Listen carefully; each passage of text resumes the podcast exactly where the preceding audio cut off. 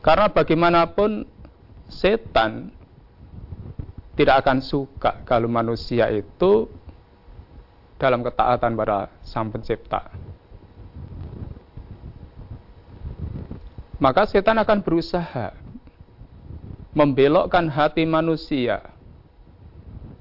membelokkan jalan manusia supaya menyimpang dari petunjuk Allah dan bimbingan Rasulullah Sallallahu Alaihi Wasallam.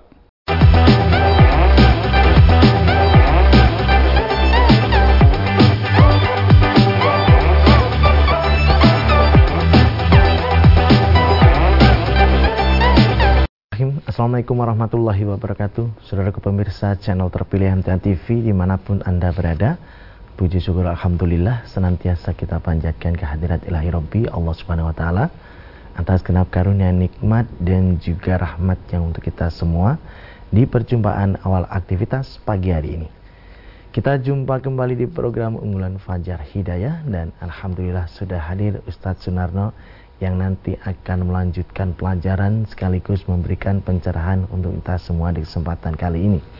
Assalamualaikum warahmatullahi wabarakatuh Ustaz. Waalaikumsalam warahmatullahi wabarakatuh. Kabar baik dan sehat pagi ini Ustaz? Ya, baik, sehat. Alhamdulillah. Alhamdulillah, baik. Dan pemirsa nanti bisa bergabung bersama kami di line telepon 02716793000 SMS dan juga di WA kami di 08 11 255 3000. Kita simak pelajaran kita pagi ini. Silakan. Bismillahirrahmanirrahim. Assalamualaikum warahmatullahi wabarakatuh. Alhamdulillahi rabbil alamin. نحمده ونستعينه ونستغفره ونعوذ بالله من شرور أنفسنا ومن سيئات أعمالنا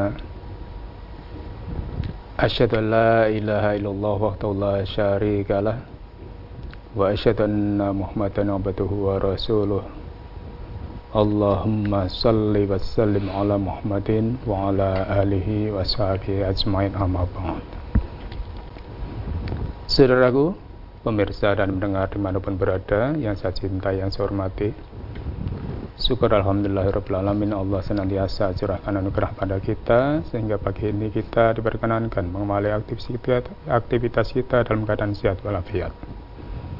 Saudaraku Pagi ini kita akan berbicara tentang Jangan terperangkap. Bujuk rayu iblis yang selalu berusaha Untuk menjerumuskan Manusia ke lembah kehinaan. Saudaraku, Allah Subhanahu wa taala berfirman dalam surat Al-Maidah ayat 92 A'udzu billahi minasyaitonir rajim Wa ati'u Allah wa ati'u Rasul wahdharu fa'lamu annama ala rasulina al-balagul mubin wa ati'u Allah wa ati'u Rasul Allah firmankan dan taatlah kamu kepada Allah dan taatlah kamu kepada Rasul utusannya. Karena kebaikan manusia baik di dunia apalagi di akhirat kelak. Tidak ada jalan lain kecuali hanya dengan taat pada Allah Sang Maha Pencipta Sang pemilik jagat raya Sang pemelihara alam semesta ini. Tidak ada jalan lain. Dan juga harus mengikuti petunjuk dari utusannya itu untuk kebaikan manusia di muka bumi ini. Tidak ada jalan lain. Wahdaru dan berhati-hatilah, waspadalah. Kita diingatkan supaya hati-hati, waspada. Karena untuk taat pada Allah dan mengikuti bimbingan Rasulnya dalam rangka untuk kebaikan hidup manusia, baik dunia apalagi di akhirat. Itu banyak musuhnya, banyak godaannya.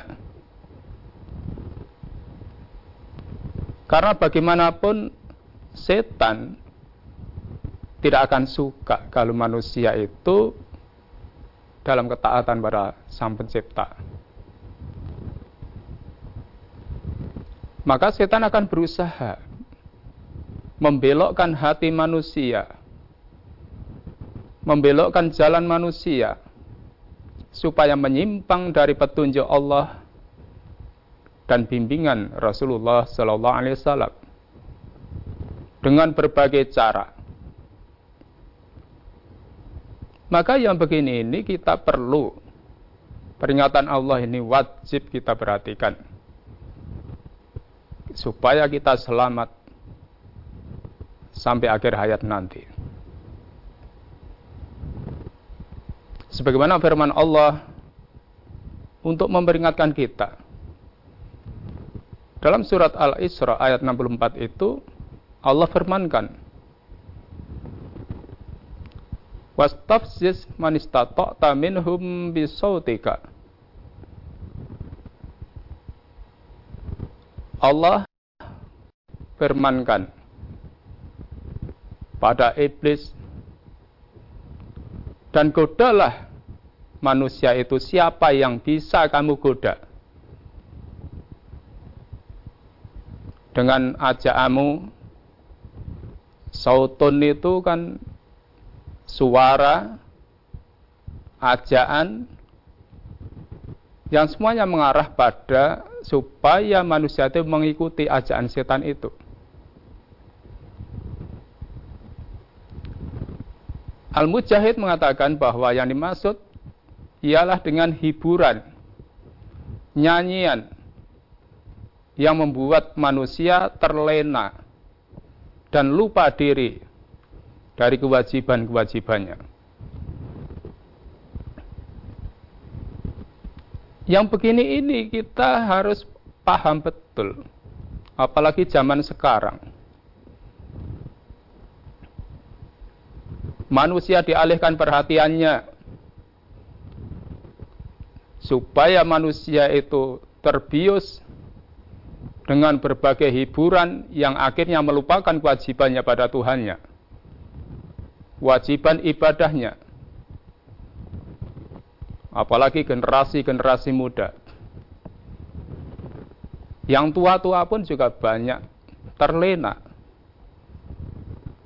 Maka kita diperintahkan supaya hati-hati karena memang setan akan menggunakan berbagai cara untuk membelokkan hati manusia dari ketaatan kepada kedurhakaan. Ibnu Abbas telah mengatakan dengan makna firmannya dan godalah siapa yang kamu sanggup di antara mereka dengan ajakanmu bahwa makna yang dimaksud ialah setiap penyeru yang menyeru manusia kepada perbuatan yang menjauhkan, melupakan kewajibannya kepada Allah SWT, apa pun itu. Kadangkala, maaf, Olahraga pun bisa melupakan kewajibannya.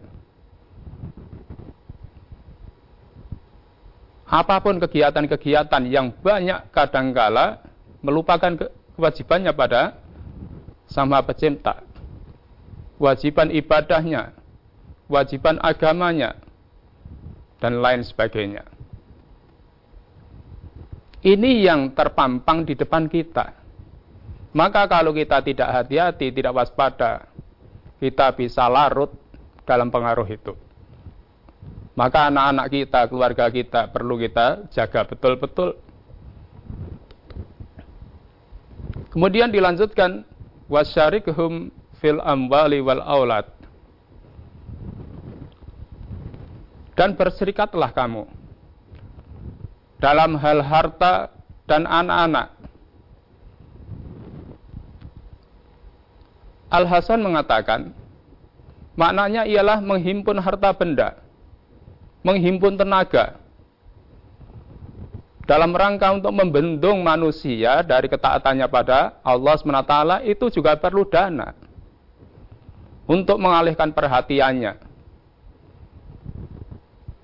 Supaya manusia lupa dengan masjidnya lupa dengan majelis-majelis taklimnya dan lupa kewajiban-kewajiban yang lainnya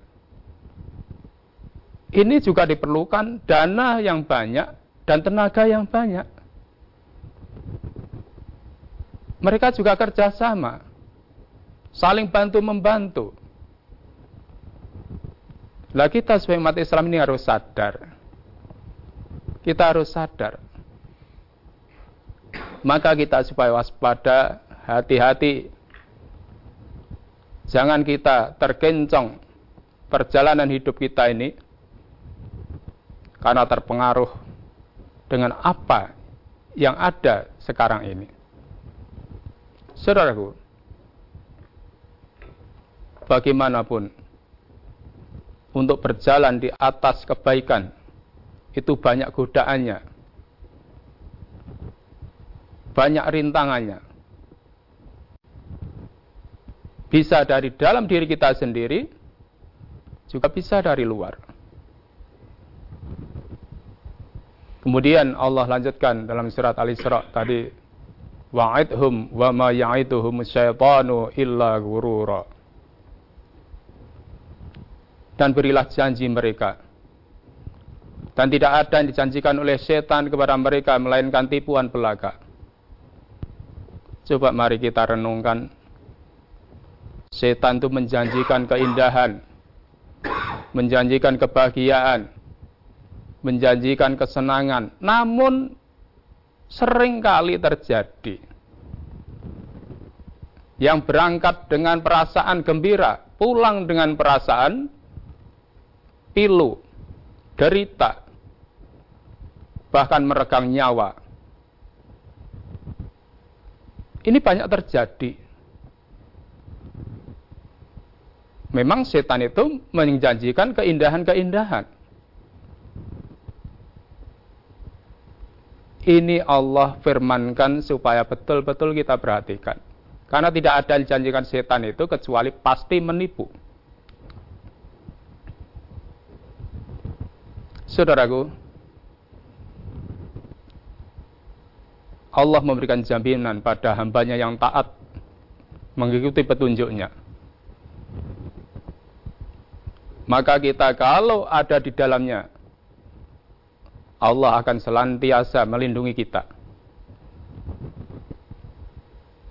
Dalam ayat 65-nya Allah firmankan, Inna ibadi laisa laka alaihim sultan. Sesungguhnya hamba-hambaku, kamu tidak dapat berkuasa atas mereka. Hamba Allah yang taat, Allah, Allah yang selalu mengikuti petunjuknya Allah yang akan menolong dan melindunginya. Ayat ini merupakan jaminan. Maka mari kita selalu dekatkan diri kita pada Allah SWT dalam rangka untuk bisa membentengi diri dari godaan-godaan yang luar biasa di dunia ini. Jangan coba-coba kita menjauh dari Allah SWT. Karena tidak ada yang dapat melindungi diri kita kecuali hanya Allah SWT. Dan di akhir ayat Allah firmankan wa kafa bi. Dan cukuplah Tuhanmu sebagai penjaga, sebagai pemelihara, sebagai penolong. Maka kita mari dalam hidup ini betul-betul. Jangan sejengkal pun kita menjauh dari Allah SWT. Maka mari kita wujudkan semakin tingkatkan ibadah kita kita wujudkan semakin semangat dalam taklim kita. Kemudian kita amalkan dalam kehidupan kita sehari-hari. Saudaraku,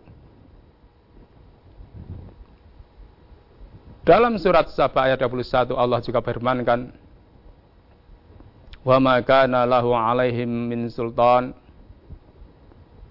dan tidaklah ada kekuasaan iblis terhadap orang-orang yang beriman.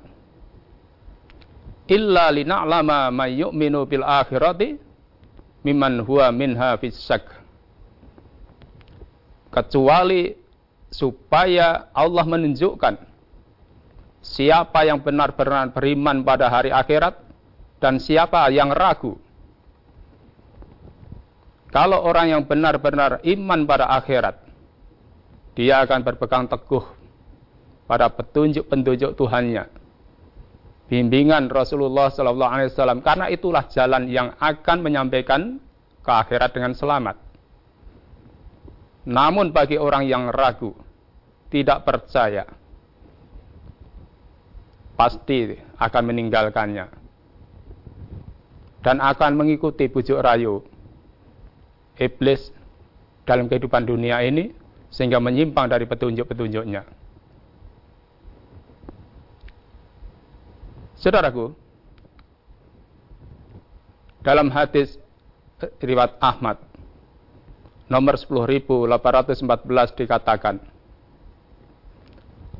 An Abi Sa'id al-Khudri qal Sami'tu Rasulullah sallallahu alaihi wasallam yaqul Inna iblisa qala li rabbih bi'izzatika wa jalalika la parha akwi Ya Allah, demi kemuliaanmu, aku senantiasa akan menjerumuskan manusia. Jadi di sini iblis sumpah. Jadi ukhwi Bani Adam. Kita-kita ini termasuk anak turunnya Adam. Akan dijerumuskan. Akan dikencongkan dalam perjalanan hidup ini dan akan selalu terus digoda. Madamat al arwahu fihim selama roh masih ada dalam jasad mereka. Berarti seumur hidup. Kalau sudah mati sudah ditinggalkan oleh iblis, oleh setan. Kalau sudah mati, selama masih hidup kita akan selalu di, akan diikuti oleh iblis dalam rangka untuk menjerumuskan. Kemudian dalam hadis tadi, Faqala Allah bi'izzati wa jalali, maka Allah berfirman, dengan kemuliaanku dan keagunganku. La abrahu akfiru lahum mastaghfaruni. Aku akan senantiasa mengampuni hambaku selama mereka minta ampun kepadaku. Iblis bersumpah akan selalu menggoda selama roh nyawa manusia masih ada jasad dalam jasadnya. Allah juga bersumpah. Allah akan senantiasa mengampuni hambanya. Kalau hamba itu mohon ampun kepada Allah SWT. Saudaraku, maka yang begini ini mari kita jadikan pegangan dalam hidup kita. Supaya kita selamat dalam perjalanan hidup kita. Maka marilah kita selalu banyak dekatkan diri kita pada Allah SWT. Karena hidup dalam mencapai kebaikan, banyak musuhnya, banyak rintangannya, yang semuanya itu akan menggencongkan perjalanan kita sampai pada tujuan yang mulia, yakni surganya Allah SWT. Saudaraku, begitulah semoga yang sedikit ini bermanfaat untuk saya dan kita semuanya. Terima kasih. Ya, baik pemirsa kami harapkan Anda bisa bergabung bersama kami di line telepon 0271 6793000 SMS dan juga di WA kami di 08 11 255 3000. Namun sebelumnya kita akan simak beberapa informasi dalam rangkaian jeda pariwara berikut ini. Pemirsa channel terpilih MTA TV di mana pun Anda berada, terima kasih Anda masih setia bersama kami khususnya di program unggulan Fajar Hidayah pagi ini. Kesempatan bertanya kami persilakan di line telepon di 0271 6793000 untuk bisa bergabung. Halo, Assalamualaikum. Halo, Assalamualaikum. Waalaikumsalam warahmatullahi wabarakatuh. Dengan siapa di mana Bapak? Siapa di mana Bapak? Pak Adi di Palembang. Ya, silakan Pak Adi Palembang. Assalamualaikum Ustaz Mustomi. Waalaikumsalam warahmatullahi wabarakatuh. Monggo Bapak Adi Palembang. Gini Pak Ustaz, saya kan sudah sholat, sudah zakat, sudah infak, dan aktif mengikuti kajian-kajian di MKTV. Namun, saya belum mau menyisihkan waktunya untuk mengikuti kajian di kelompok. Karena saya sibuk mencari nafkah untuk keluarga. Nah, yang menjadi pertanyaan, apakah saya termasuk orang yang belum mendapat petunjuk, Pak? Mohon penjelasannya. Terima kasih. Wassalamualaikum warahmatullahi wabarakatuh. Waalaikumsalam warahmatullahi wabarakatuh. Jadi Pak Adi ya di Palembang. Jadi begini Bapak ya, jadi insya Allah Bapak termasuk yang mendapatkan hidayah dari Allah, mendapatkan petunjuk dari Allah. Insya Allah termasuk. Kemudian kalau tadi segalanya sudah dilakukan, kemudian Bapak belum bisa mengikuti kelompok. Begini Bapak ya. Jadi kelompok itu kan fungsinya dalam rangka untuk membina ukhuwah di antara kita umat Islam. Itu dimulai dari yang terkecil Bapak. Dalam rangka membangun ta'aruf, tafahum, tahaful di antara kaum muslimin. Itu dimulai dari yang terkecil. Dan itulah dalam rangka juga mewujudkan praktek dari ilmu yang kita kaji itu dalam kehidupan terkecil dulu. Kalau kita tidak bisa menerapkan praktek dalam kehidupan yang terkecil, bagaimana dalam kehidupan yang lebih besar? Karena bagaimanapun Bapak,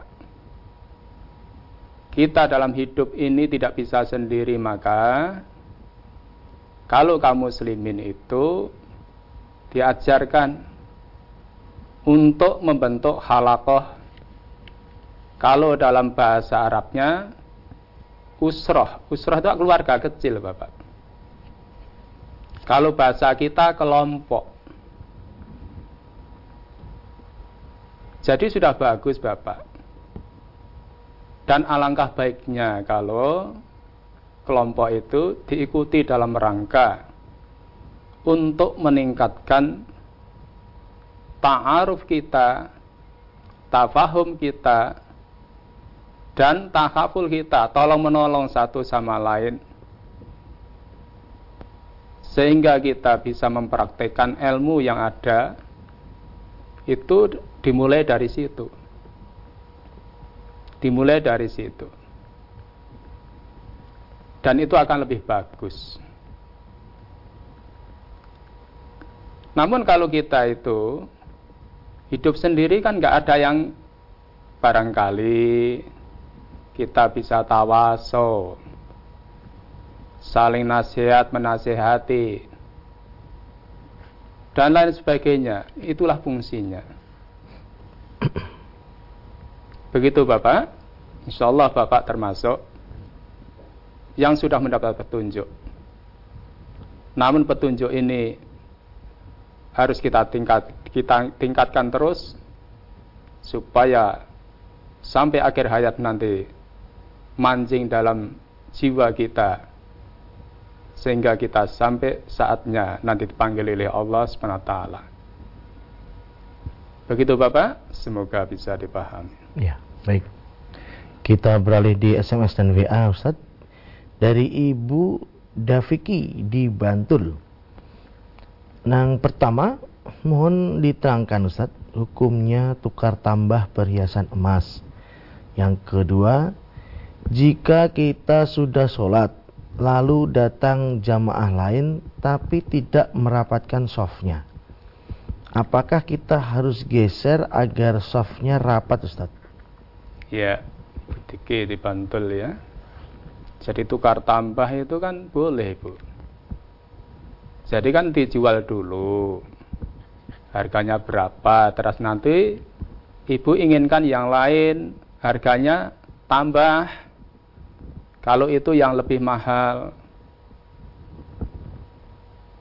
Jadi nggak ada masalah kalau tukar tambah itu. Jadi kita tukarkan kan dihargai dulu. Jadi dijual, oh ini harganya sekian. Kalau ingin yang lain, ini nanti dapatkan barangnya tapi dengan tambah uang sekian. Ya begitu tuh jual beli. Jadi nggak ada masalah. Kemudian yang kedua, kita sholat berjamaah, kemudian ada makmum lain yang datang, tidak merapatkan sop,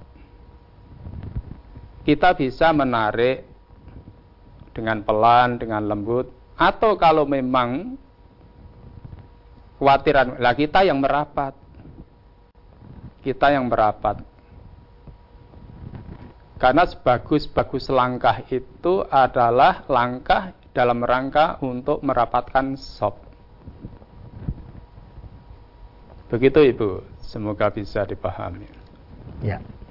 Kita beralih kembali di line telepon, silahkan di 02716793000. Halo, assalamualaikum. Halo, assalamualaikum. Assalamualaikum. Waalaikumsalam warahmatullahi wabarakatuh. Dengan siapa di mana Bapak? Mas. Ya, silakan Pak Tunggal.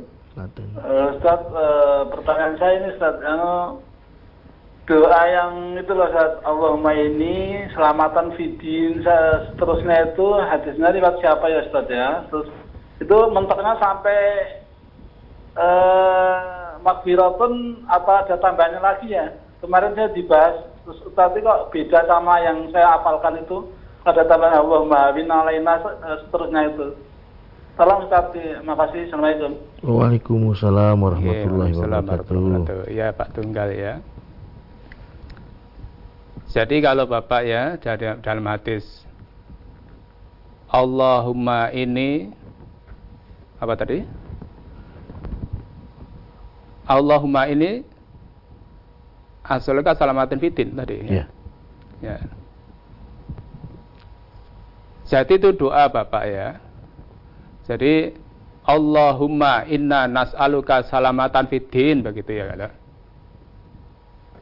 wal afiyatan fil jasadi wa ziyadatan fil ilmi wa barokatan fi rezeki wa taubatan kebelal mauti dan seterusnya itu bagus jadi kalau doa itu kita amalkan itu permohonan kita pada Allah untuk keselamatan hidup kita di dunia. Jadi kalau rawinya saya lupa Bapak. Namun doa itu bisa kita amalkan. Karena itu bukan doa khusus. Itu doa umum. Doa umum.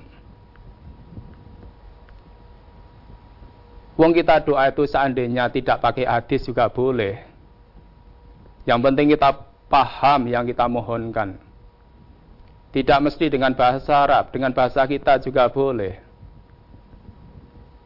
Jadi kalau doa itu kan bagus sekali itu. Jadi inna nas'aluka salamatan fiddin. Kita mohon pada Allah. Untuk keselamatan agama kita. Karena tanpa Allah yang menolong, melindungi. Belum tentu kita bisa selamat. Kita mohonkan perlindungan wal afiatan bil jasati mohon kesehatan kesejahteraan. Kita mohon pada Allah. Waziyatatan fil ilmi dan bertambahnya ilmu. Kita terus belajar belajar dan belajar. Dan itu perlu kita amalkan. Wa barokatan berrezeki. Ya Allah berilah saya rezeki yang barokah.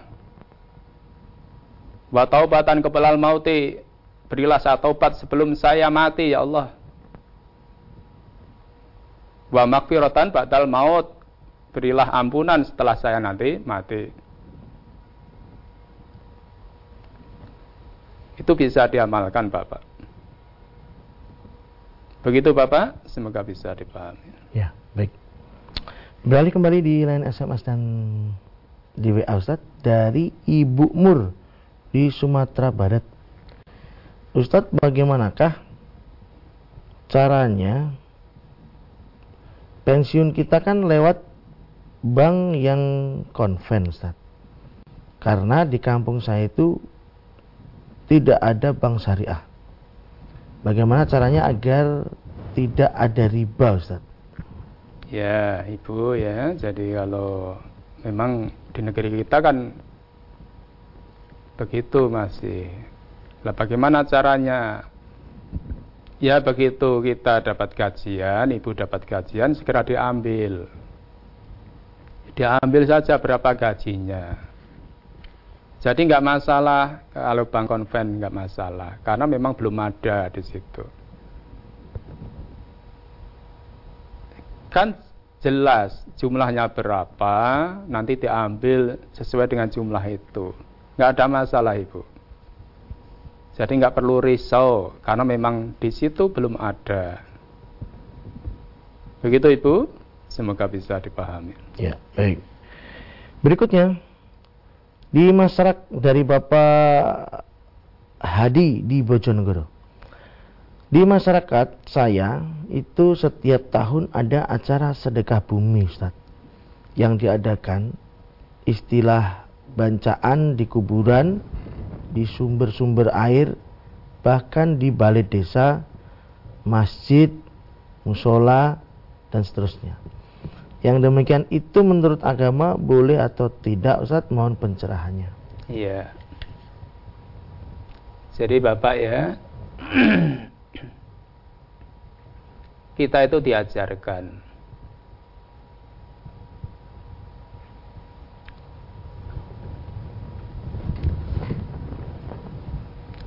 Jadi kalau kita itu dalam hidup wa in tuti aksara man fil ardi yudilluka an sabilillah.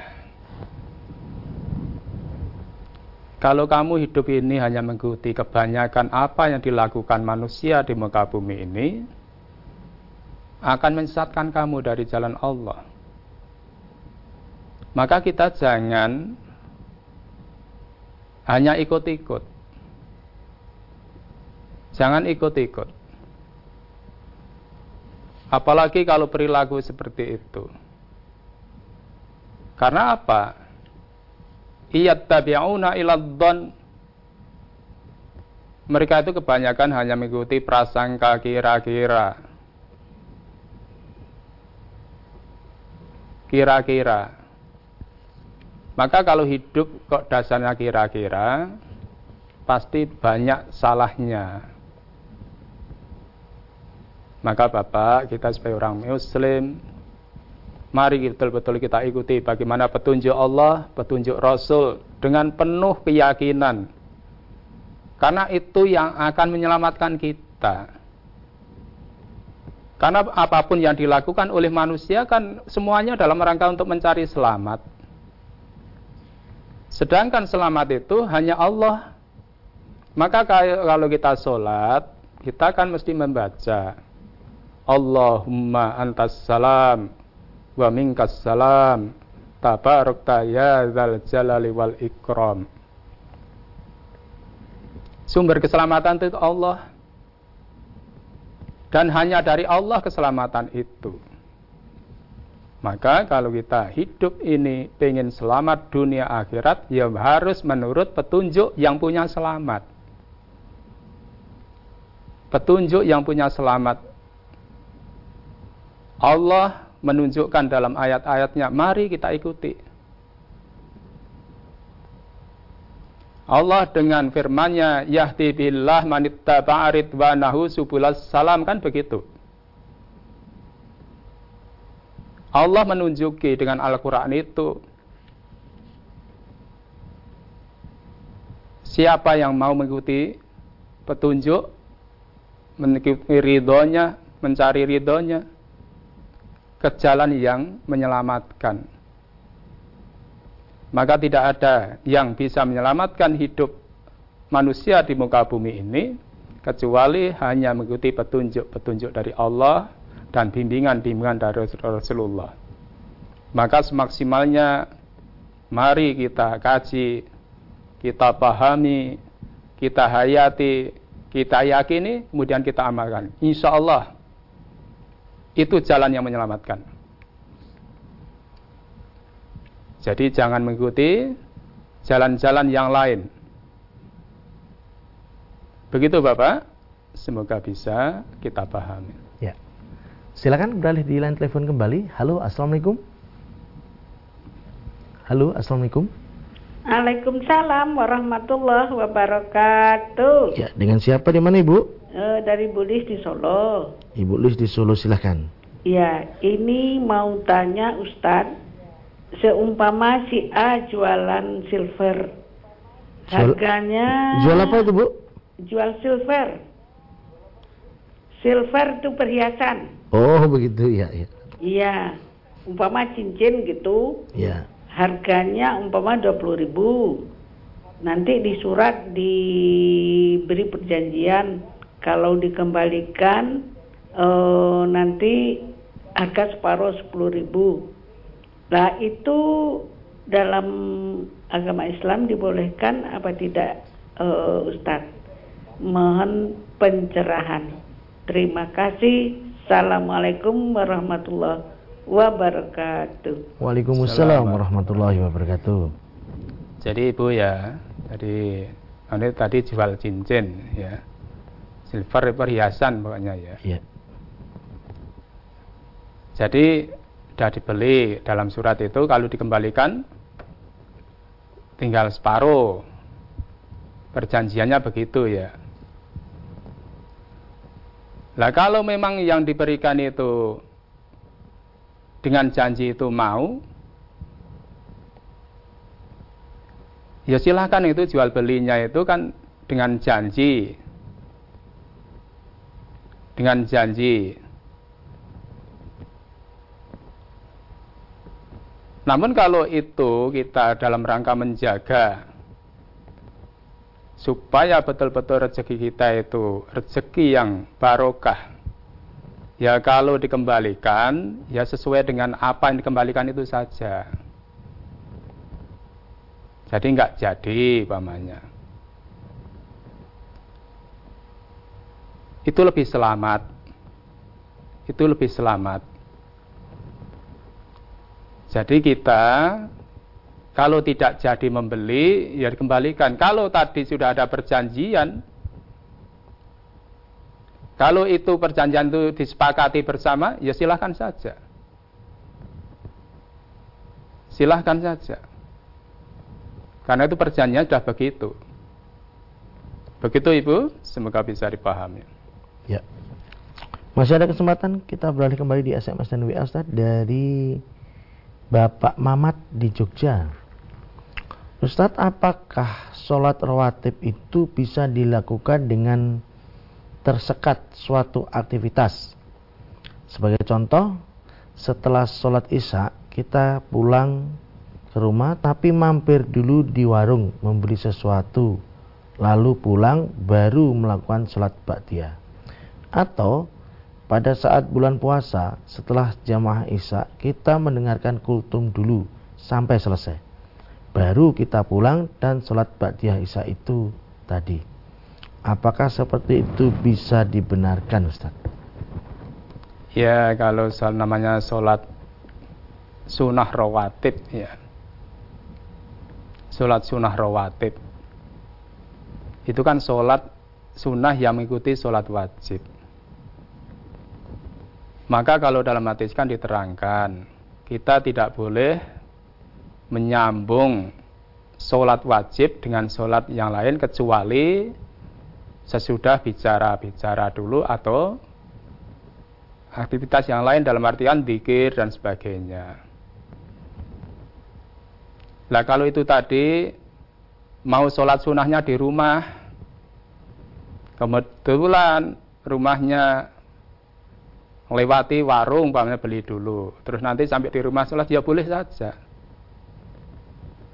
Jadi nggak ada masalah. Karena bagaimanapun itu kan masih mengikuti sholat yang awal tadi, sholat wajibnya. Jadi nggak ada masalah. Begitu Bapak, semoga bisa dipahami. Ya. Baik Ustadz, sekiranya sudah di penghujung perjumpaan kali ini, ada yang bisa sampaikan sebagai nasihat silakan Ustaz. Ya. Saudaraku, pendengar dan pemirsa dan pendengar di mana pun berada yang saya cintai, yang saya hormati, jadi kita dibimbing oleh Allah SWT bagaimana dalam hidup ini supaya kita selamat sampai tujuan akhir nanti. Maka Allah memperingatkan pada kita bahwa untuk meraih satu cita-cita yang mulia itu banyak godaannya, banyak musuhnya, banyak rintangannya. Terutama dari hawa nafsu kita, dari iblis, dan dari yang lain-lain. Maka kita kita ini supaya waspada. Karena kita lengah, ya kita akan terjerumus. Maka betul-betul mari kita dekatkan diri pada Allah SWT. Kalau kita jauh dari Allah, pasti nanti banyak lengahnya. Namun kalau kita selalu berusaha mendekat diri kita pada Allah SWT, mudah-mudahan Allah menjaga kita. Sehingga kita dalam hidup ini selalu dikurniai, diberikan anugerah keselamatan dalam langkah perjalanan hidup kita ini selalu mengikuti petunjuk Allah dan Rasulnya dan kita dilindungi dari bujuk rayu iblis setan yang akan mengincongkan perjalanan kita sehingga kita tidak sampai pada tujuan yang mestinya harus kita raih yaitu surga. Begitu saudaraku, semoga bermanfaat untuk saya dan kita semuanya. Terima kasih. Ya. Kami sampaikan terima kasih atas pelajaran kesempatan pagi ini. Assalamualaikum warahmatullahi wabarakatuh. Waalaikumsalam warahmatullahi wabarakatuh. Baik saudara pemirsa channel terpilih MTA TV di mana pun Anda berada Demikian tadi telah kita simak dan ikuti bersama program unggulan Fajar Hidayah pagi ini Kita jumpa kembali di kesempatan mendatang dan saya Tommy Al-Fatoni pamit undur Alhamdulillahirrahmanirrahim Subhanakallahumma wa bihamdika Asyadu ala ilaha ila anta astaghfirullah wa atubu Assalamualaikum warahmatullahi wabarakatuh